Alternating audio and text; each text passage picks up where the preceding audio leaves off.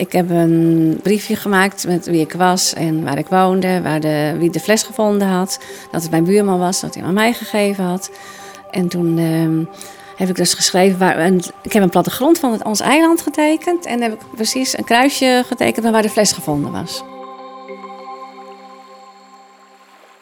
Vijftig jaar geleden stopt de Engelse Pieter een briefje in een fles en gooit die bij Harwich in zee.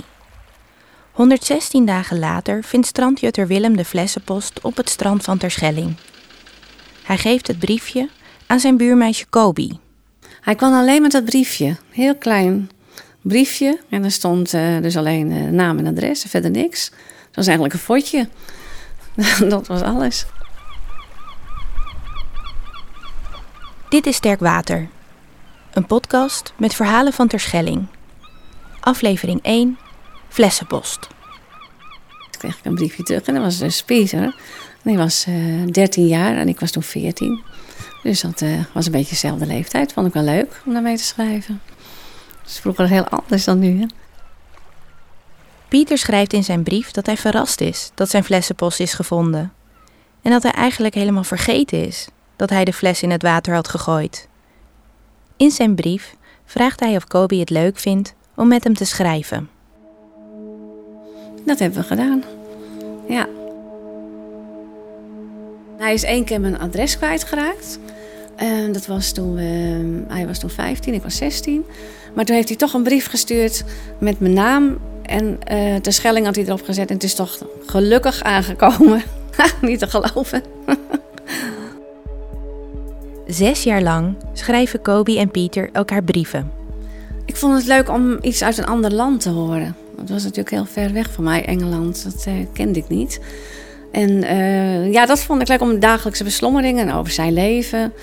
En hij heeft me in 1972 heeft hij een hele ontroerende brief geschreven dat zijn vader was overleden. Dat heb ik me enorm aangetrokken, want misschien is het makkelijker om naar een vreemd iemand zoiets te schrijven.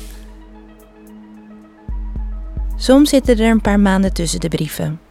Want de ene keer is hij druk met een vriendje en de andere keer hij met een vriendinnetje. Maar altijd kijkt ze ernaar uit om iets van hem te horen. Nou, ik keek naar de, naar de mat, hè, want er viel op de mat.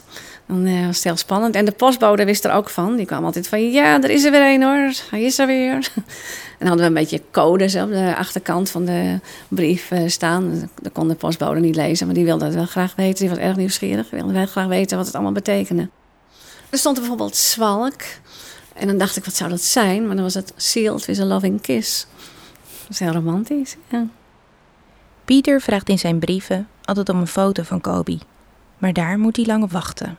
Nou, ik vind het wel spannend om niet te weten met wie ik schrijf. Want het kan ook best wel eens tegenvallen. Maar uh, ik heb uiteindelijk toch een foto gestuurd. Een beetje op afstand, een beetje wazig. En toen wilde hij me heel graag ontmoeten. Pieter stuurt ook een foto van zichzelf. En uh, toen was ik uh, positief verrast. ja, dat was echt een hele mooie foto.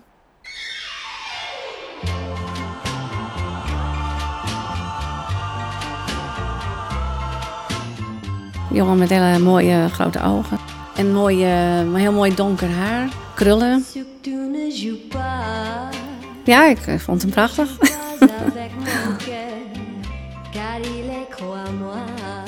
Toen dacht ik wel van, het wordt toch misschien wel eens tijd als we elkaar gaan ontmoeten. Omdat hij ook uh, wel aandrong, dacht ik van ja, ik eigenlijk ook wel nu, ja. Eindelijk gaat het gebeuren. Na zes jaar schrijven komt Pieter naar het eiland. Hij is op dat moment 19 en zij 20. Ik had bijna niet geslapen. Ik dacht, nou, ik moet er natuurlijk tip-top uitzien. Dus ik ben heel vroeg uit bed gegaan. En heel zenuwachtig was ik. Ik denk, hoe zal dit gaan? En ik heb met mijn vader uh, in de auto heb ik hem opgehaald. En hij kwam van de boot af. Ik herkende hem natuurlijk ogenblikkelijk. Ik weet nog precies wat hij aan had. Een bruin leren jasje. Hij kwam heel vrolijk die boot op. En ik zag meteen die uh, mooie ogen. Ja, geweldig. Ik was helemaal meteen in love. Ik dacht, ik wist niet dat het bestond liefde op het eerste gezicht. Maar uh, ik hoorde later van hem dat hij precies hetzelfde gevoel had. Ja.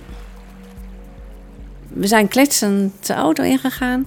En we zijn de hele week blijven kletsen. Het klikte gelijk. Omdat je elkaar natuurlijk al heel goed kent door die brieven. Het was niet een vreemd iemand van mij.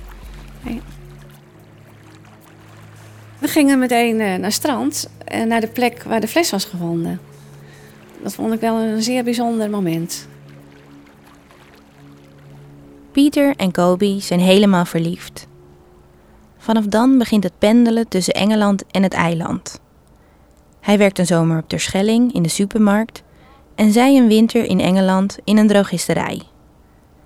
Het voelt zo goed dat ze willen gaan samenwonen. Maar als Kobe haar spullen heeft ingepakt om naar Engeland te emigreren, krijgt ze het benauwd. Dit is niet wat ze wil. Het was in Engeland zo anders. Ik had vroeger ook altijd heimwee. Dus uh, dat ik daar een half jaar gewerkt heb, was enorm veel voor mij. Ik dacht van nou, dan moet ik dit hier allemaal achterlaten, het eiland, mijn vrienden. En toen heb uh, ze kwam hij mij halen om uh, toch voor goed naar Engeland te gaan. En toen zei ik van nou, ik kan het gewoon niet. En zonder blik of blozen zei hij toen van nou, dan kom ik naar Nederland. Ondanks dat hij vindt dat ze hier op een rare manier bier tappen, heeft hij het ontzettend naar zijn zin op het eiland. Hij maakt vrienden, gaat op tennis en wordt keeper in het voetbalteam. Ze hebben ook nog heel even op volksdansen gezeten. Maar omdat Pieter telkens zijn voet verkeerd neerzet, zijn ze daarmee mee opgehouden. Een paar jaar later trouwen Kobe en Pieter. Uiteraard is buurman Willem, de man die de flessenpost van Pieter had gevonden, de getuige. Ze beginnen een drogisterij en op 4 september 1981 wordt Alice geboren. En dat is exact, echt exact, uh, eh, 13 jaar nadat Pieter de fles in zee gegooid had.